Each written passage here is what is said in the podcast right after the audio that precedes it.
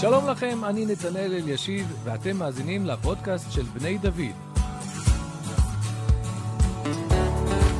בכל פרק נשוחח עם דמות מובילה במוסדות בני דוד על יהדות, ציונות, ערכים וסוגיות שמעסיקות את החברה הישראלית.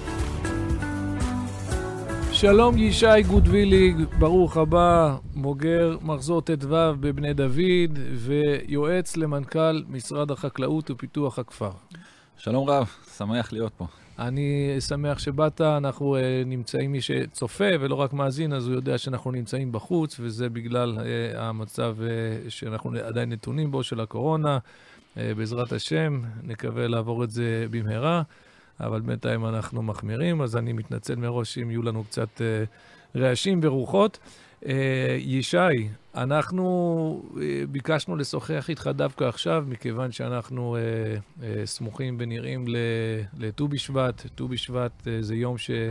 uh, ראש השנה לאילנות, אבל הוא קיבל משמעות הרבה יותר עמוקה עבור עם ישראל uh, לדורותיו, יום של קישור לארץ ישראל כשהיינו בגולה, וקישור לאדמת הארץ הטובה. Uh, כשאנחנו כאן, אז העיסוק בחקלאות, וזה תמיד דבר חשוב, אבל בטח, uh, בטח בימים האלו. Uh, לפני שניגע אבל בכל הנושא המקצועי שאתה עוסק בו במשרד החקלאות, הייתי רוצה לפתוח דווקא בשאלה של שירות ציבורי באשר, uh, באשר הוא. כי בני דוד, אתה הגעת לכאן במחזור ט"ו, אולי זה היה בדיוק השנה, השנים שהתחיל השינוי, ש... Uh, הבנו שעם כל הכבוד לנושא של אה, השתלבות אה, בצה"ל ותרומה ביטחונית, בסוף רוב האנשים לא יהיו בצה"ל כל החיים, והשאלה היא האם הם מצליחים לקחת את עולם הערכים אה, שהם בונים כאן גם לתחומים אחרים, במיוחד למשל לתחום המגזר הציבורי. אז נשמח לשמוע קודם כל מה הוביל אותך לבחירה הזאת של השתלבות במגזר הציבורי. בשמחה, אני יכול אפילו ללכת איתך צעד אחד אחורה. כשאני סיימתי את הישיבה התיכונית והתלבטתי איפה ללכת ללמוד, אז נורא התלבטתי בין שתי מקומות, אחד מהם זה היה עלי. ואת השני לא נזכיר? לא נזכיר. ובאמת היה לי נורא נורא קשה להחליט, וצריך להגיד, זה שתי מקומות שונים עד כדי קיצוני, בצורה קיצונית ביניהם. וחשבתי עם עצמי וכולי וכולי, עד שהגעתי לאיזושהי תובנה, בוא נסתכל על הבוגרים של המקום. כי אולי זה הכי מעיד על מה המקום uh, עושה ומה הוא משפיע וכולי, ובאמת זה מה שעזר לי לבוא לפה, לא מתחרט עד היום. Uh, וכשהשתחררתי מהצבא, אז uh, התלבטתי ובאתי ללמוד בישיבה לבוג הצבא, שפחות או יותר התחילה את ימיה באותם, באותה תקופה. אם אני לא טועה, אתה הגעת ככה בתפר, עוד זכית לראות את סוף כן. המחלך, המכינה לחיים. אז אני עוד יכול להגיד שאפילו נכנסתי לכולל אה, לכמה דקות, ואז באמת היה האיחוד של בתי המדרש במבנה הקודם, ואז עברנו למבנה החדש. ו... וכל היתר, הלא הוא כתוב על ספרי כן, תולדות... כן, ספר ו... דברי הימים. דברי הימים לבני דוד. ו... ואז כשרציתי ללמוד באוניברסיטה, אז uh, הציעו פה וסיפרו לנו על המסלול הזה של חי רועי, שככה טיפה התלבטתי, ואיך זה משפיע עליי, הייתי כבר נשוי עם ילד. אז חי רועי, מי שלא מכיר, זו מסגרת שהוקמה אה, היא נקראת רועי לזכרו של אה, חברנו כן. רועי קליין, ורועי שילב ברמה מאוד גבוהה לימודי, לימוד תורה אה, יחד עם הלימודים האקדמיים שלו. לכן הוא דוגמה, הוא היה אמנם מטעם צה"ל, אבל באותן שנים זה, הוא היה עסוק ב, בלמידה, אז הוא דגם מאוד מאוד טוב גם לעניין הזה. Uh, ובמסגרת חי רועי, אז uh, במקביל ללימודי ה... אז uh, הדילמה שלי גם נסבה גם על מה אני הולך ללמוד באוניברסיטה משני כיוונים. אני בחרתי ללמוד הנדסה, למדתי הנדסת מכונות באוניברסיטת תל אביב, שככה בשלבי ההתלבטות הרמתי טלפון לאוניברסיטה לשאול עם מה, הם, מה דעתם בכלל על הסיפור, אז אמרו לי, תקשיב, אתה חי בסרט, אין שום סיכוי בעולם שתצליח לשלב כלום mm-hmm. עם הלימודים הזה, ועוד שמענו שאמרת שאתה נשוי. אז כאילו, תשכח מזה. מקווה אה, שתשכח מהלימודים ולא תשכח מאשתך. אז אני נורא התלבטתי, ובסוף החלטתי שאני הולך על זה, אה, לומד באוניברסיטה בתל אביב. היה לנו פה, היה לי פה עוד שני חברים מה, מהשכונה, מהרחוב, שלמדו איתי בתל אביב, ולמדנו פה בחי רועי. היינו סטודנט אחד להנדסת חשמל ושני סטודנטים להנדסת מכונות. אה, ובאמת זה לא היה קל, אבל אתה יודע, מה שלא מה שלא קל, אז, אז הוא לא קיים, ומה שקשה, הוא נהיה אז, אז חליל, לחם חוקנו. חלילה, בלי, בלי להתנשא פה, אני רק אומר, בסוף יש הבדל בין העולם הישיבתי, אני אפילו לא אגיד העולם הדתי, העולם הישיבתי לבין שאר העולם לגבי מה אפשר להשיג בחיים מבחינה לימודית. דברים שנראים בלתי אפשריים ב... עבור רוב העולם, מי שיתרגל לשקידת תורה, למחויבות, ל- ללמוד מהבוקר עד הלילה, הוא יודע שגם אם זה קשה, אפשר, אפשר ללמוד יותר ממה שחושבים, אפשר לשלב. זה נכון, זה חד משמעי נכון, ואני אגיד שבחי רוי הציבו לנו גם דרישות לא פשוטות, כמו לדוגמה שאת כל השעות של הבית מדרש צריך לעשות כולם ביחד, באותו זמן, בזמני איכות, זאת אומרת סדר בוקר או סדר צהריים, לא במוצאי לא שבת, או, ב... כרטיס ב...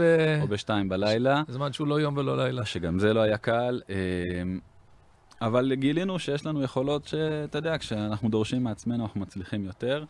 אה, היינו יושבים באמת שעות על גבי שעות ללמוד ביחד, הסטודנטים וכולי. אני חושב שההתחייבות הזאת שאני לקחתי על עצמי וכל התלמידים בחי רועי לוקחים על עצמם, היא מכוננת, כי, כי האוניברסיטה היא שואבת, היא מוסד ששואב אותך, את כולך, יש תחרות, אתה רוצה להשיג ציונים, אתה יודע שזה משפיע אחר כך על מקום העבודה שת, שתבחר ותמצא, ואתה רוצה לה, להצליח. וכשיש לך מחויבות כזאת גדולה, כמו החי רועי, בסוף היא, היא, היא מחייבת אותך, כי, כי יש אה, מלגה ויש uh, מבחנים, והיה בחנים כל שבוע. מערכ, הם יצרו פה מערכת של התחייבות גם mm-hmm. לישיבה, במושגים שהם קצת שונים מישיבה רגילה. Oh. וזה נורא נורא הכריח אותנו להיות רציניים בישיבה, ואני חושב שזה משנה את כל צורת ה... האופן שבו אתה עובר את שלב האוניברסיטה ואיך זה משפיע לך על החיים אחר כך. אז אתה נגעת במסגרת. אותי מעניין גם, האם יש תוכן שאתה יכול להגיד, מה מאפיין לימוד תורה של אה, סטודנט? כי אה, אנשים מכירים, גם ב, בישיבות הסדר אגב, ובטח אה, כאן, שמגיעים אחרי שירות צבאי, אנחנו יודעים שלימוד תורה של בוגר צבא, זה מקבל איזשהו אה, נופך אה, אחר, אולי בוגר יותר, לפעמים קשה יותר לחזור, אבל כשאתה חוזר, אתה חוזר ככה, מה מאפיין לימוד תורה של סטודנט? אני לא יודע לענות על שאלה של אה, לימוד תורה לסטודנט, אבל מי שהגה את התוכנית והרבנים פה שהובילו אותה, לקחו על אה, נושא. אנחנו למדנו בשלוש שנים פה בישיבה, למדנו הלכות צבא. אה, אומר הלכות צבא, הלכות שבת. ו- והאמירה שהם גם אמרו אותה בצורה ברורה, ואני חושב שהיא סופר נכונה לחיים. אה, שבת זה אחד מהדברים שהכי מעצב את אורח חייו של אדם דתי, ומאוד גם מבדיל בין אדם שרוצה להיות שומר תורה ומצוות וירא שמיים, לבין אדם שהוא מקפיד, זה קיים אצלו בחיים, אבל זה לא, לא משפיע על, ה, על מהלך החיים שלו. ובאמת עד היום, זה באמת ההלכות שאני חי אותן הכי טוב ויודע אותן הכי טוב, ובאמת משפיעות על, ה, על האופי של הבית שלי. אני מאוד מזדהה איתך, אני uh, עצמי uh, הקדשתי לא מעט מהשנים האחרונות להלכות שבת, זה עולם בפני עצמו, וזה... יש איזשהו חן ואיזושהי יראת שמיים מיוחדת של העיסוק בהלכות האלה ובסוגיות. אבל uh, הנה, אתה, אתה בעצם ענית, כי אמרת, זה צריך להיות משהו שלצד זה שזה לימוד תורה עיוני, אבל טוב שהוא יהיה, שתבין איך הוא מחובר לך לחיים ומה הוא נותן לך. לה... אני מבין. בסדר גמור. אז uh, מכאן, uh, ההשתלבות ב, ב, במגזר הציבורי. Uh, שאלתי, אני חושב, קודם, למי זה מתאים? איזה סוג אנשים? מה המאפיינים של שירות ציבורי? תראה, השירות הציבורי היום במדינת ישראל הוא מורכב, הוא מגוון, הוא שונה, ואגב, אם חזרתי לדילמת מה ללמוד, איפה ללמוד, אז אני נורא הבנתי שאני כנראה הולך ללמוד הנדסה, ומה עושים עם הנדסה במגזר הציבורי. הנחתי לדילמה הזאת בשלב של בחירת המקצוע, אמרתי, יהיה בסדר, וכשסיימתי את הלימודים, אז uh, נתקלתי בדילמה הזאת שוב, וכדי ל... לטייב את זה אפילו, אני יכול להגיד, בסוף הלימודים נרשמתי לעוד איזושהי תוכנית, אני קורא לזה חי רועי עם כיפה, אה, שקראו לה קריאת כיוון, היום היא כבר לא קיימת, היא הוטמעה בתוך אה, תוכנית יותר גדולה שנקראת מעוז, שגם הרב מכיר ובוגר שלה, אני חושב. אה, אסור במעוז להגיד בוגר, אתה צריך להגיד שאתה חבר. חבר, חבר בתוכנית הבוגרים, ברשת הבוגרים, גם אנחנו חברים באיזה רשת אה, מסוימת. בקיצור, ובאמת, לקחתי את זה ברצינות וחיפשתי משרות בשירות הציבורי שקשורות להנדסה, ובטעות מצאתי.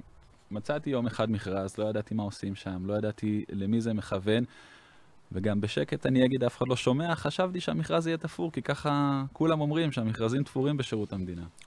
או. ניגשתי למכרז, ומה שנקרא, מקסימום תצליח. הצלחתי, עברתי את המכרז, אה, ובאמת הגעתי לעולם מאוד מאוד מרתק. אגב, זה חשוב, אתה בעצם הופתעת לטובה, כי היה לך דימוי מסוים שלילי על נכון. המגזר הציבורי, ואתה לפחות בהיבט הזה של הכניסה, הופתעת לטובה, נכון. ראית שזה תהליך אה, סדור, מקצועי, וזה חשוב, בגלל שיש היום הרבה אידיאולוגיות שככה באות אה, להקטין את השירות הציבורי, אז לא, אז פה אני ממש, התהליך היה נקי ושקוף וגלוי לחלוטין, ו, וגם השירות שאליו נכנסתי, שאלת מה זה מגזר ציבורי, אני חושב שהוא שירות קצת ייחודי במשרדי הממשלה, אבל אנחנו בעצם נכנסתי לעבוד בגוף שהוא כל כולו שירות ייעוץ לחקלאים במדינת ישראל. זאת אומרת, המדינה משקיעה לא מעט כסף, סדר גודל של 130-140 תקנים כל שנה, בייעוץ מקצועי לחקלאים, בהמון המון היבטים שנוגעים להם, בדישון, בהשקיה, בזנים, ב-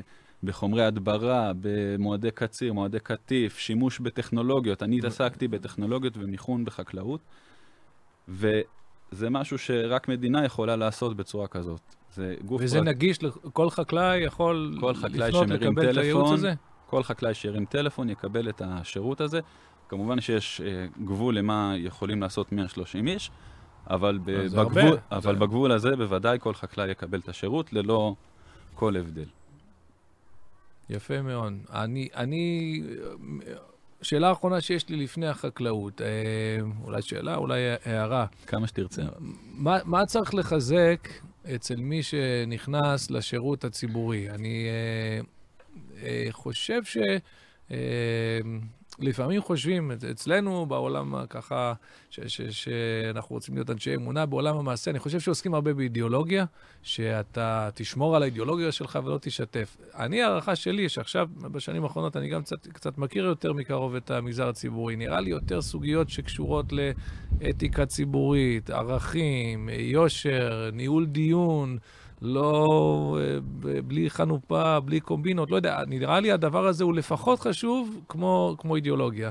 ו... לגמרי. אפשר uh, להגיד שבמכינה מאוד אוהבים לדבר על השירות הצבאי ועל uh, כמה צריך לשמור, על הרוח ו- ולהמשיך להסתער כל הדרך, וגם רואים את ההשפעה של זה על הבוגרים, כל אחד איך שזה השפיע עליו. במידה לא מבוטלת, אני חושב שאותו דבר גם נכון על השירות הציבורי, כי הרבה נכנסים לשירות הציבורי עם הרבה מאוד מוטיבציה ורצון ו- וכולי, ומהר מאוד הופכים להיות מה שלצערנו המינוח השלילי שנקרא עובדי מדינה, מהר מאוד הם, הם נופלים לשם, כי זה מאוד קל, כי זו מערכת שקשה לה לתגמל וכולי. האיש השמן. כן. אה, מהמשל, מהמודל. מהמם. ו, ובאמת, מי שיודע לתדלק את עצמו ול, ולהיזכר למה הוא שם ולכוון את זה כל יום מחדש, באמת אתה תראה אותו פשוט שונה לאורך כל הדרך. ואז ממילא גם המשמעויות האחרות שהזכרת, כמו אתיקה וכמו מקצועיות וכמו אה, התוויית מדיניות ברורה, מי מתווה את המדיניות, מי מבצע, מי... כל הדברים האלה מאוד מאוד נשמרים לאורך כל הדרך. ואתה רואה שלצערנו היום יש המון המון המון פקידים שהיינו שמחים שיהיו יותר טובים, יותר מקצועיים אתה, ויותר... אתה אה, כל כך עדין, אתה יודע, נכון, אתה הזכרת לי עכשיו, אה, וטוב שכך, אבל אה, לי מותר להגיד, אה, לא, פשוט לא התכוונתי להעלות את זה. אתה, אתה הזכרת לי עכשיו שלפני הרבה שנים, הלוואי והמצב היום יותר טוב, אבל אני שוחחתי עם מנכ"ל של משרד ממשלתי חשוב, אה, עם הרבה תקציב, הרבה כוח, והוא אמר לי, אתה יודע כמה מהעובדים שלי, אני מעדיף אה, שפשוט לא, לא יבואו, נמשיך לשלם להם, רק, רק- שלא יבואו בעבודה, כי הם יוצרים יותר אה, בעיות וסכסוכים עם אחרים, ואני אני- מעדיף שהם לא יבואו. הוא אמר לי, אני, אני, אני, אני אשלים את המשפט, משפט קשה, כן? מקווה שהוא השתנה מאז. אבל אה, הוא אמר לי, אם אני מגזים כלפי מטה, זה 50 אחוז. אז אני אגזים יותר ואני אגיד את זה נורא בעדינות. הקורונה שלחה הרבה מאוד אנשים הביתה. בשירות הציבורי לא פוטר אף אחד, כל אחד נשמר, אין קורונה. נשמרה לו חלקת האלוהים שלו, קורונה. אבל גם הפעם אה, עובדי השירות הציבורי כן לקחו איזשהו חלק, ולא מעט אנשים הוצאו לחופשה כפויה, זאת אומרת, חשבון ימי החופשה שלהם. וכ-70% עובדים הלכו הביתה, נשארו 30%, והתפוקה? ולא שמעת שאיזשהו שירות נפגע. עכשיו, אני אומר את זה נורא בזהירות, כי גם נתנו הרבה פחות שירותים, כי נצרכו הרבה פחות שירותים. אבל אוקיי, בסדר, אנחנו מבינים גם את החסרונות. אז אתה אומר, יותר חשוב מאשר אידיאולוגיה, זה שבן אדם יבוא, קודם כל עם תחושת שליחות, עם ברק בעיניים, עם אה, יושר, לא ליפול בתוך כל, כי יש המון כוחות בכל משרד שבוחשים, ו... ועם תחנות דלק, אה, במובן הרוחני, של כן. אה, להמשיך את הלימוד ואת ההתמלות. מעולה. עכשיו קצת לנושא העיקרי, לא קצת, לחקלאות בישראל. כן. אה, אגב, לפני שהגעת למשרד החקלאות, היה לך איזשהו ממשק עם התחום הזה? זה... לא, אני קורא לזה שאני מאלה שחשבו שהעגבנייה גדלה בסופר.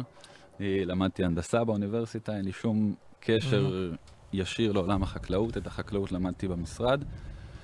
אגב, אה, אמרת איזה משפט שאני צריך לקשר עליו, אז התחלתי במשרד באמת כמדריך, זה נקרא מדריך מיכון וטכנולוגיה בחקלאות, ואחרי כשנתיים וקצת אה, נקראתי לראיון אה, בלשכת המנכ"ל, ופחות או יותר מאז ועד היום אני יועץ של מנכ"ל המשרד, אז עברתי גם קצת תפקידים בתוך המשרד, ואני mm-hmm. ראיתי את המשרד גם מלמטה, גם מלמעלה. הכי טוב. עולמות תוכן ועיסוק שונים לגמרי.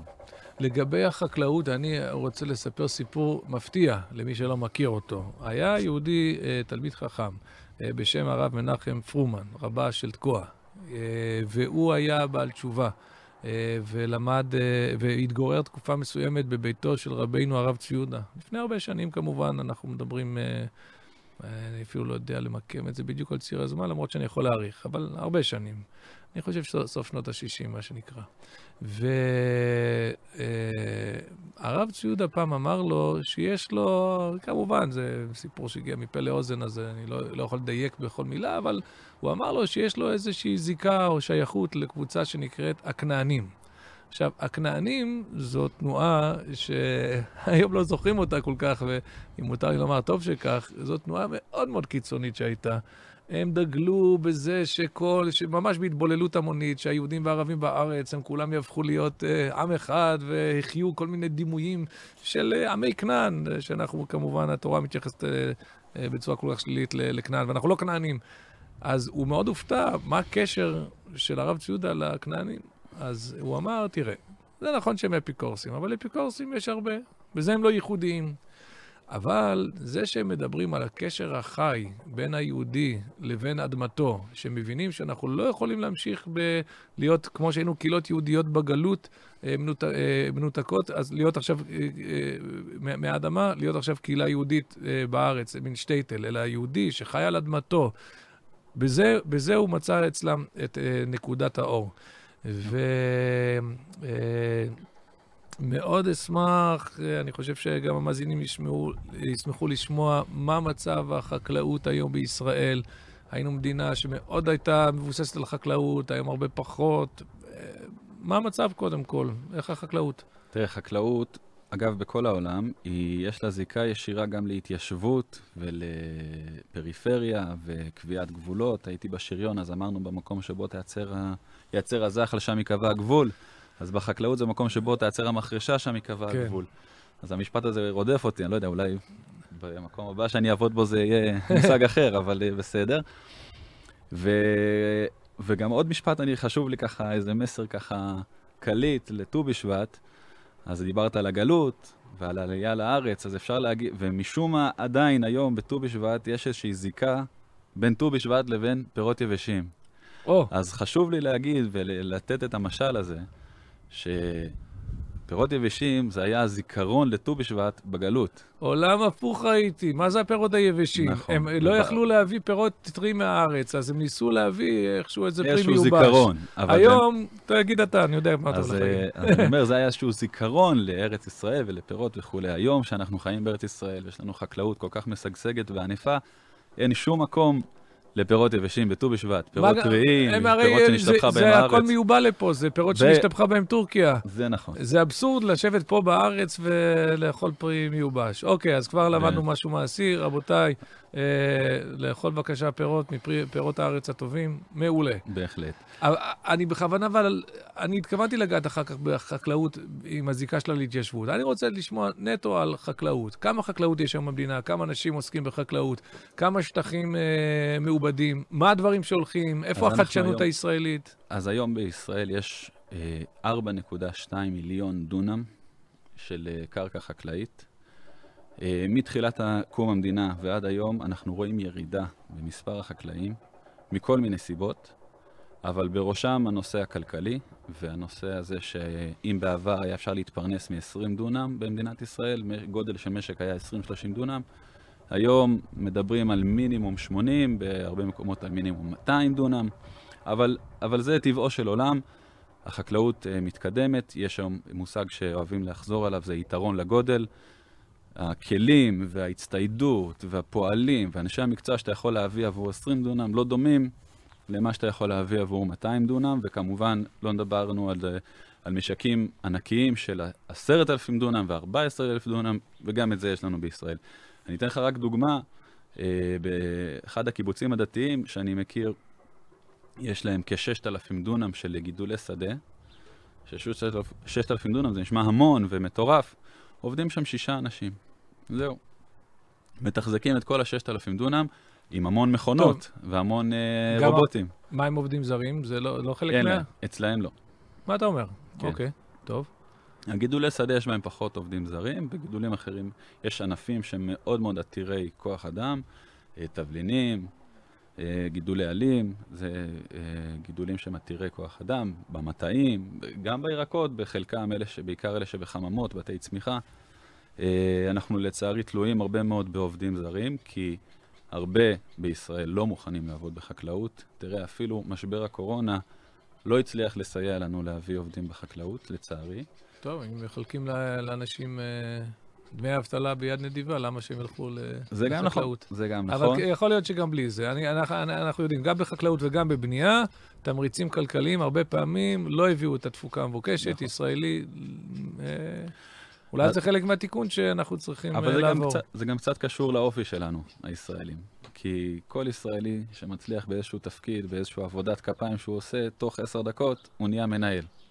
או סמנכ"ל. או סמנכ"ל, וכאלה אנחנו. פעם האמנתי שהסמנכ"ל הוא הסגן של המנכ"ל, עד שהבנתי שכולם הם סמנכ"לים, הוא סמנכ"ל זה והוא סמנכ"ל זה. נכון. אז, אה, אז אותו דבר גם בחקלאות היום, כל חקלאי הוא בעצם מנהל של משק. והוא מעסיק אה, חברות קבלניות שבאות, אה, אם זה לעשות זריעה, ואם זה לעשות ניקוש עשבים, ואם לעשות ריסוס, ואם לעשות קציר, וכן הלאה והלאה. אז דיברנו על כ-4.2 מיליון דונם, יש לנו היום מספר שהוא לא בדיוק ידוע, אבל סדר גודל של עשרת אלפים חקלאים. החקלאות בישראל נחשבת בעולם מאוד מאוד חדשנית, פורצת דרך, יזמית, ואתה יודע, כמו כל דבר שהיהודים עושים, איפה שלוחצים אותנו, איפה ששמים אותנו בסד uh, תנאים שהוא בלתי אפשרי, שם אנחנו יותר טובים ושם אנחנו מצליחים ושם אנחנו מביאים את עצמנו לידי ביטוי. אז יש לי שאלה מאוד מעשית. מדינות המפרץ, או ביניהם uh, לא, לא, uh, גם מדינה כמו סודאן, שהיא מדינה פחות משגשגת מאשר דובאי והאמירויות, uh, אז הם קשרו איתנו קשרים. ותמיד מספרים על משלחות של uh, חקל... חקלאות ישראלית, שאנחנו מצליחים מה אנחנו בעצם יודעים, חוץ מלהגיד להם שבמקום להשקות הרבה מים, לשים טפטפת, מה אנחנו יודעים להועיל למדינה כמו סודאן בתחום החקלאות? תראה, אני לא מכיר את סודאן באופן ספציפי, דוגמה. אבל אנחנו לגמרי מפעילים המון המון מערך של הדרכה של חקלאות במדינות עולם שלישי, מדינות מתפתחות, מה שנקרא.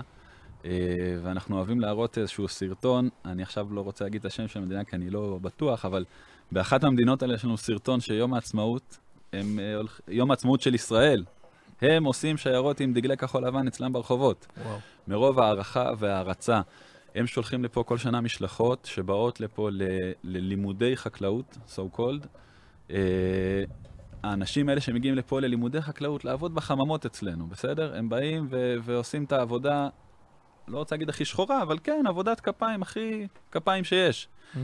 אחר כך הולכים ונהיים שרי חקלאות, חקלאות באותן מדינות. זאת אומרת... אבל מה, עדיין לא הסברת לי... מה יש לנו ללמד אותם? מה? אה, לכאורה, אתה שם באדמה, משקה וגדל. מה החדשנות הישראלית? תראה, זה המון המון פרטים. בסדר? אה, סתם... מחשוב, זה מחשוב, זה, זה הנדסה גנטית אה, של ה... זה, אני יכול לתת לך כמה דוגמאות, אני אתן לך דוגמה. בכל העולם מעסיק, מעסיק, מעסיקה סוגיה שנקראת ביטחון המזון והבטחת מזון לכל האוכלוסייה. כשאתה מגדל חיטה, לדוגמה, אז uh, אתה מגדל אותה בדרך כלל, למעט מקרים מיוחדים, פעם אחת בשנה, קוצר אותה, שומר אותה בממגורות לשנה שלמה. אממה, יש פחת בתוך המחסנים האלה. הפחתים במחסנים האלה זה נושא כספי ושקשור לביטחון מזון שמטריד את כל העולם. אבל זה קל, אתה שם קו חומטין, זה כתוב במסכת שבת. אוקיי. אז במדינת ישראל פיתחו שיטה, שיטות, שמביאות אותנו לאחוזי פחת של, שנמוכים מאחוז אחד, וזה מושא לחיזור מכל העולם, באים לפה ללמוד את השיטה שלנו. אז השיטה היא מורכבת מחומרים ובקרה ו, ובקרת איכות ואיזה זנים, המון המון פרטים שלא לא כאן המקום לפרט אותם, אבל, אבל זה הנושא. הנושא הוא היכולת וההצלחה, אה, פיתוח זנים שהם עמידים וזנים עם טעם. יש לנו אה, חוקרים במכון וולקני, לא הזכרתי, אז במשרד החקלאות יש גוף שנקרא מכון וולקני, זה בעצם סוג של אוניברסיטה בחסות משרד החקלאות, מעל 180 חוקרים. Mm-hmm. יש לנו לדוגמה חוקר שמפתח זנים של ענבים, ענבי מאכל. ענבים בצבעים, בצורות, בטעמים. אני מפתח ענבי מאכל. אתה מגדל ענבי מאכל, ועוד לא קראת לי לטעום אותם, אז בוא, בוא נראה. אני עוד כמה חודשים, בעזרת השם. אז תאמור... אתה תטעם את הענבים שלו, אתה, איך נקרא אצלנו בשפה העברית? נופל. ענבים בצורה של אצבע, בצבע שחור. ענבים בגודל של ליצ'י, בטעם של ליצ'י. באמת, ענבים מטריפים, כמובן כולם בלי גרעינים. אני לא אשאל את השאלה, אם אתה רוצה ליצ'י, תאכל ליצ'י. לא, אבל יש לענבים, יש להם... אגב, זה זנים שנמכרים בכל העולם, בסין מגדלים אותם, במצרים מגדלים אותם. וזה ללא חשש אה, כלאיים וכלאיים וכלאי הכרם ו... עד כמה שאני יודע, לא. אוקיי. אה, טוב, את ההכשר, אתה אומר. אבל אם לא, הזכרנו כבר את סין, אז נזכיר שלפני שנה וחצי, אם אני לא טועה, אולי שנתיים, בא לפה אה, ג'ק מה. ג'ק מה הוא נשיא עליבאבא. שזה אחת מהחברות הסיניות הכי גדולות, האיש אולי הכי עשיר בעולם, מקום רביעי עשיר בעולם, משהו כזה. בא לפה, לאן הוא רצה לבוא לישראל? בא למכון וולקני. עשינו לו שם תערוכה, הוא ראה המון המון דברים, ו- וזה לא תופעה ייחודית, כל הזמן באים אנשים, ראש ממשלת רוסיה, ראש ממשלת הודו, האנשים האלה באים ומבקשים דווקא לראות פיתוחים בחקלאות, mm-hmm. את החדשנות החקלאית. אה, ראש ממשלת, סליחה, ראש ממשלת ישראל, ביבי, רצה לפני כמה שנים אה, לקדם איזושהי עסקה, או איזשהם יחסים עם רוסיה.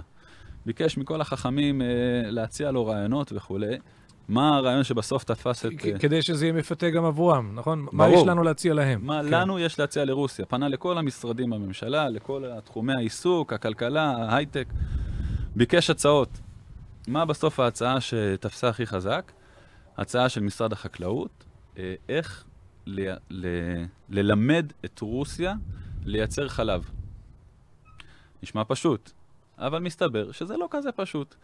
והיו מספר אה, אה, נסיעות וחלופות ומכתבים, ו, ונחתמה עסקה בסוף, על דעת שהולכים על אה, מבצע ענק, איך ללמד את רוסיה ולהקים בפועל מחלבות ו, ורפתות כדי לייצר יותר כמות חלב מכל מה שמייצרים במדינת ישראל, כמובן. איזה יופי. תגיד לי, באמת, במה אנחנו טובים? אה, אה, עכשיו, לא החדשנות והטכנולוגיה, איזה סוג פירות? כי לא כל דבר מתאים לגדל בכל מקום. אני יודע באזור שלנו, למשל, שהוא מאוד מתאים לענבים, או אני יודע את זה גם מה, מה, מהתנ"ך וגם מהניסיון. כן. אבל במה ישראל מאוד מאוד טובה? המה שלנו טובים? זה קשור לשבעת המינים, אגב? אה, תמר. תמר? תמר הוא משבעת המינים. תמרים בבקעת הירדן בעיקר? אז תמרים מבקעת הירדן, מהערבה, mm-hmm. אה, זה תמרים הכי טובים בעולם. איזה יופי. רוב, מה עוד? רוב הייצור הישראלי הולך לייצוא. אה, גם פה הקדמת אותי, רציתי במרירות לשאול האם זה נכון, ש... אני אשאל עוד מעט, ת, ת, תמשיך, איזה, איזה, איזה סוג פירות ו... ובמה אה, אנחנו טובים? בעוד, יש אה, ענף שלם של פירות שהוא לאו דווקא משבעת המינים, שאנחנו מאוד חזקים בו, זה כל הפירות הדר. אה, אשכוליות, פומליות, פומלית. כן, טוב, זה עוד מראשית הציונות. נכון, שם אנחנו מאוד ג'פה, מאוד חזקים, ו... קלמנטינת אורי, אה, זן מאוד מאוד חזק, גם באירופה, גם בסין, גם בעוד מדינות. אה, אנחנו מוכרים ליפן. שם אנחנו, בהדרים, אנחנו מאוד מאוד חזקים. בדיוק קראתי לאחרונה שכל ההדרים הם יצאו משלושה סוגים, וזה לא תפוז, זה אה, פומלה, פומלו, אתרוג, מודה שאני לא יודע. ועוד משהו. אוקיי, טוב. יש לנו באמת אה, אה, אשכולית. יש הרבה אנשים לא אוכלים אשכולית כי זה חמצמץ וזה, אז פיתחו בוולקני אצלנו זן של אשכולית מתוקה. פיתחו זן של קלמנטינה בלי גרעינים. כל מיני, אה, מנסים לענות על הצרכים של האוכלוסייה ולחפש את הדברים החדשניים האלה, וזה עובד, זה מצליח. הזנים האלה נמכרים בכל העולם. איזה יופי. ובאמת השאלה שעמדתי לשאול קודם, האם זה נכון התחושה הזאת שבעצם הפירות הכי טובים של הארץ, אנחנו לא נזכה לטעום אותם, אלא אם כן נלך לשדה, כי הכל הולך לייצוא? מתפוחים ועד...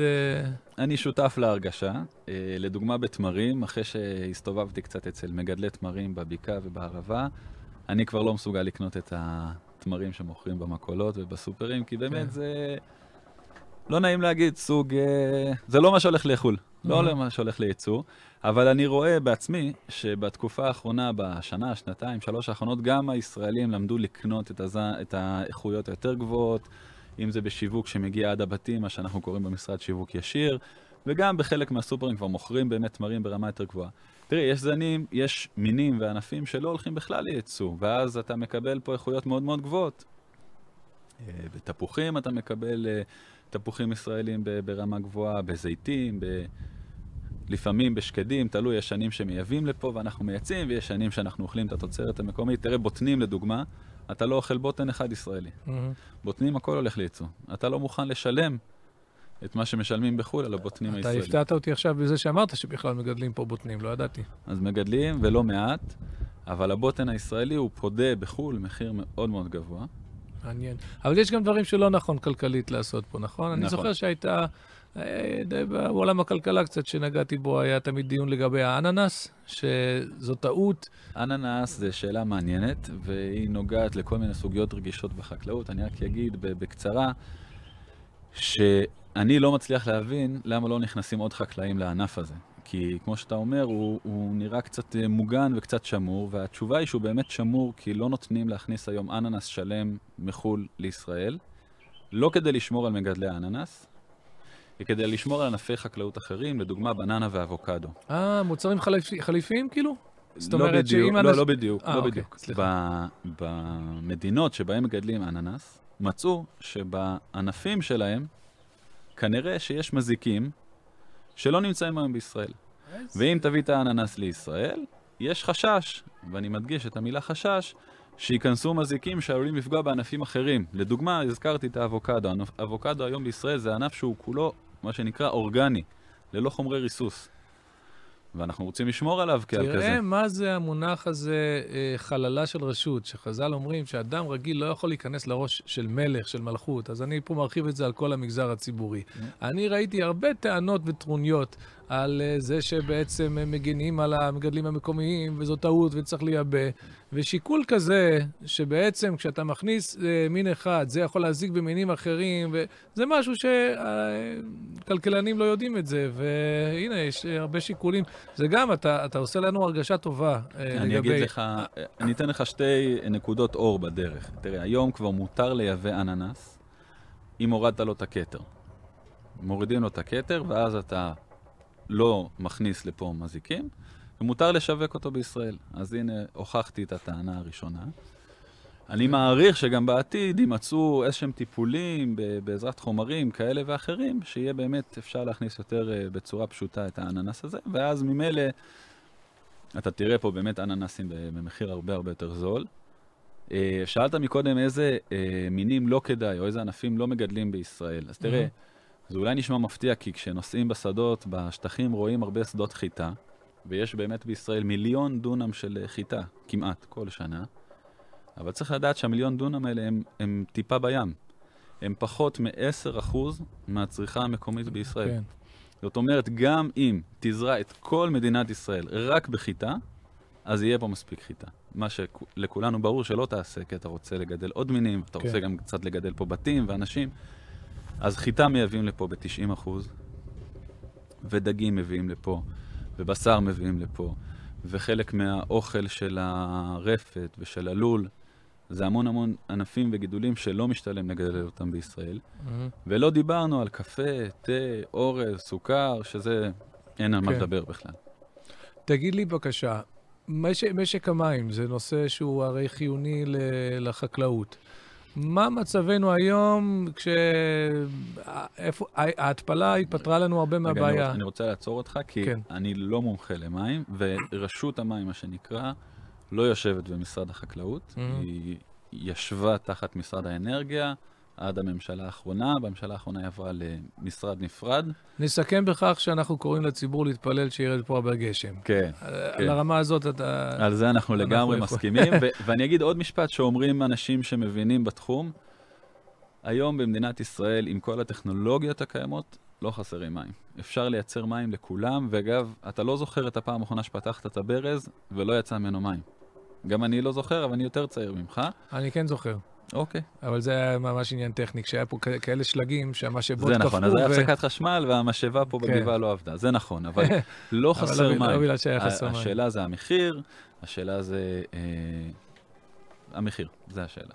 אני מבין. טוב, בטח, זה משליך על הכדאיות של הגידול. אני יודע שאני מכיר אנשים שהתייאשו מלגדל, כי המחיר של המים היה, היה גבוה מדי. אכן. דיברת קודם על התפקיד של חקלאות ב, בהתיישבות. אולי אתה יכול להרחיב על זה קצת, ובמיוחד אם אני חושב פה על יהודה, שומרון, הבקעה, אה, האם זה, זה, זה, זה כיוון לעודד חקלאות כדי, כדי אה, לחזק את ההתיישבות כאן? תראה, אנחנו רואים אה, באזורים שבו אנחנו גרים, אנחנו רואים שחקלאות היא, היא בקשר ישיר לתפיסת קרקעות, היא קשורה בקשר ישיר לתפיסת קרקעות, אבל האמת היא שזה פחות הסתכלות כלכלית באזורים האלה. זה דרך מאוד נוחה להחזיק באדמה. יש לך אזורים בארץ מרוחקים, שאין בהם ענפים כלכליים אחרים שהם כל כך רלוונטיים, כמו חקלאות. תיסע לערבה, תיסע לצפון הגליל, תיסע ל- לרמת הגולן. יש שם כלכלה, והיא מתפתחת לאט לאט, בשנים האחרונות, ברוך השם, אבל עדיין הענף הכי אה, קליט ופשוט להביא לשם זה החקלאות. כי בדיוק זה מה שאתה צריך בחקלאות, השטחים הפתוחים, המרחבים, מהמם. שלא יהיו אה, עוברי דרכים שכל הזמן יפריעו לך, ולכן זה נורא, זה הזיקה הכי פשוטה בין החקלאות לבין ההתיישבות. זה נכון שאגב, לא רק ביהודה ושומרון, בעוד אזורים בארץ, אה, אזורים שנתונים לפלישות וכאלה ואחרות, חקלאות היא, היא, היא אפילו מוסכמה בין עמים, וגם בישראל. ידוע שבדואי לא עולה על שדה חרוש, מהמם. על שדה זרוע, הוא לא עולה. אגב, אני ראיתי לא מזמן, אני חושב, כתבה בחדשות על תופעה מגונה מאוד של קטיף אה, פיראטי של ישראלים שמטיילים, ועל הדרך גם אה, מקיימים אה, תואמי הלא לא חיים זכו. כן. אה, ואני מבין שזה ממש מסב נזק בהיקף אה, אה, רציני. תראה, כש, כשאתה אנשים- לוקח תפוח אחד, אז זה רק תפוח אחד, אבל כשיש עשרת אלפים כמוך, כמו בקיץ, אני ב- גם לא חושב שלוקחים רק תפוח אחד. או, ואז, אני אתה ראיתי יודע, אנשים שתפסו שם אה, עם נכון. משקים. ו- אז יש את ההוא שלוקח תפוח, ויש את ההוא שאומר, בוא מאיפה- נעשה מסיבה ל- מאיפה מגיעה למשפחה. המחשבה המעוותת, ישי, שבן אדם שלא היה מעלה על דעתו לגנוב מסופר, אני מקווה, אה, שהוא יכול לבוא וכאילו זה, מישהו בא, השקע, טיפח, האדמה שלו, הוא מארח אותך בתור אה, מטייל, מאיפה באה המחשבה שמותר לי לקחת פה, אם אני רק אלמד עליו זכות, כי אין לי דרך אחרת להתמודד עם זה. זה הטבע. נותן, השם תראה, נותן. הוא גדל בעיר, הוא גדל בין בניינים. המקרה הכי צומח שהוא רואה זה באדנית שלו בחלון, וכשהוא יוצא לטבע, מבחינתו הכל זה טבע, זה הקדוש ברוך הוא נתן, אז הוא אומר, מה- מה נעים מעשיך השם, והוא זה? לוקח. אז אנחנו מבקשים להגיד לכל מאזינינו וצופינו, השם נתן, השם גם נתן לך אפשרות לשלם על, ה... על נכון. הפירות והירקות ולא לגזול חס ושלום. מה שיותר מדאיג, אני, אתה יודע, אם, אני מנסה לחשוב, אם אני הייתי נכנס לתחום, הייתי רוצה להיכנס לתחום החקלאות, אחד הדברים שאותי היו מרתיעים אותי זה כל הדיווחים על טרור חקלאי, שאנחנו לא, לא בדיוק התחום שלך, זה הרי תחום של ביטחון, אבל... אה, מה- מה המצב? האם כצעקתה, אנחנו מכירים את ארגון השומר החדש? ממה שאנחנו יודעים, וגם אנחנו מכירים היטב את ארגון השומר החדש, אה, הבעיה היא קשה, ויש אה, איזושהי אוזלת יד בפיקוח, באכיפה, סליחה. זה, זה קצת נופל ככה בין כל רשויות האכיפה במדינת ישראל. אה, השומר החדש לא הוקם בטעות ולא הוקם כמתחרה למישהו, הוא פשוט נכנס לוואקום, שהוואקום הזה גדל, והוא פשוט אה, נכנס שם יותר ויותר ויותר, כי באמת יש מצוקה קשה, ויש אה, מצוקה של, אתה יודע, עד שסוף סוף יש תיק, והוא מגיע לבית משפט, ויודעים שיש פה עבריין שגנב, ש, ששרף, ש... whatever, ובית המשפט מוציא אותם בעונשים של קש וגבבה. אז אנחנו צריכים פה, על גנבת קש וגבבה, אנחנו צריכים פה, אם ככה, צוות בין-משרדי, מישהו ששם את זה במקום גבוה בסדר עדיפויות, שנותן גם מענה של אה, ביטחון פנים, גם מענה משפטי. אז אני אה, יודע שיש איזשהו שיתוף פעולה בין המשרד שלנו, המשרד לביטחון פנים, אה, בזמנו התעסקנו בזה גם בהיבט של אה, פוליסות ביטוח ייעודיות לנושא הזה, כי גם, כי גם פה נהיה כבר איזשהו מחדל שוק שזה כן יותר דברים שאנחנו מטפלים בהם. בנושא הביטוחי, בא בית אריזה מסוים בצפון ואמר, אני לא מצליח לקבל פוליסת ביטוח לבית אריזה, לתכולה של הבית אריזה, לטרקטור. אז אנחנו השקנו שם איזשהו פוליסת ביטוח שהפרמיה הייתה מסובסדת מאוד על ידי המדינה, כדי באמת אה, לסייע לזה. אה, אה, אבל אנשים צריכים להבין את הקשר באמת בין חקלאות והתיישבות. זה נשמע נכון. כמו דברים שהם רק נחלת העבר. לא. זה לא נכון. יש היום מאבק, אפילו פה באזור שלנו, כל מיני סכסוכי רועים, ממש נכון. סיפורי אברהם ולוט. נכון. אנחנו צריכים לשמור על, ה... לשמור על, ה... על הארץ הזאת שקיבלנו אותה. אמת, זה, זה תפקידנו. מעולה. יופי, טוב, זה מאוד מרגש. אני אספר לך על דבר אחד, כיוון שאנחנו יושבים פה בצל הכרם שלי. אה, אני, אני יודע שיש גדולים ממנו, אבל... קצת. אבל, כן, אבל זה שלי. ואני גם מקפיד לעשות פה את העבודה, אני והילדים פה אה, בעצמנו. עבודה עברית. ואנחנו פה יושבים מאוד קרוב ל, אה, לעמק שילה, שאנחנו יודעים שהיו שם כרמים, ואנחנו יודעים שהיו מכולות בשילה בט"ו באב.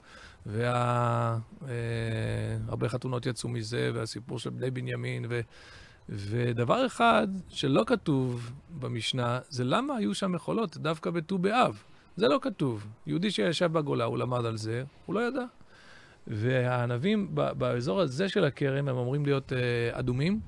ואני זוכר קיץ אחד לפני שלוש שנים אולי, שאני מחכה שהם סוף סוף יאדימו, והם ירוקים, והם ירוקים, ואני...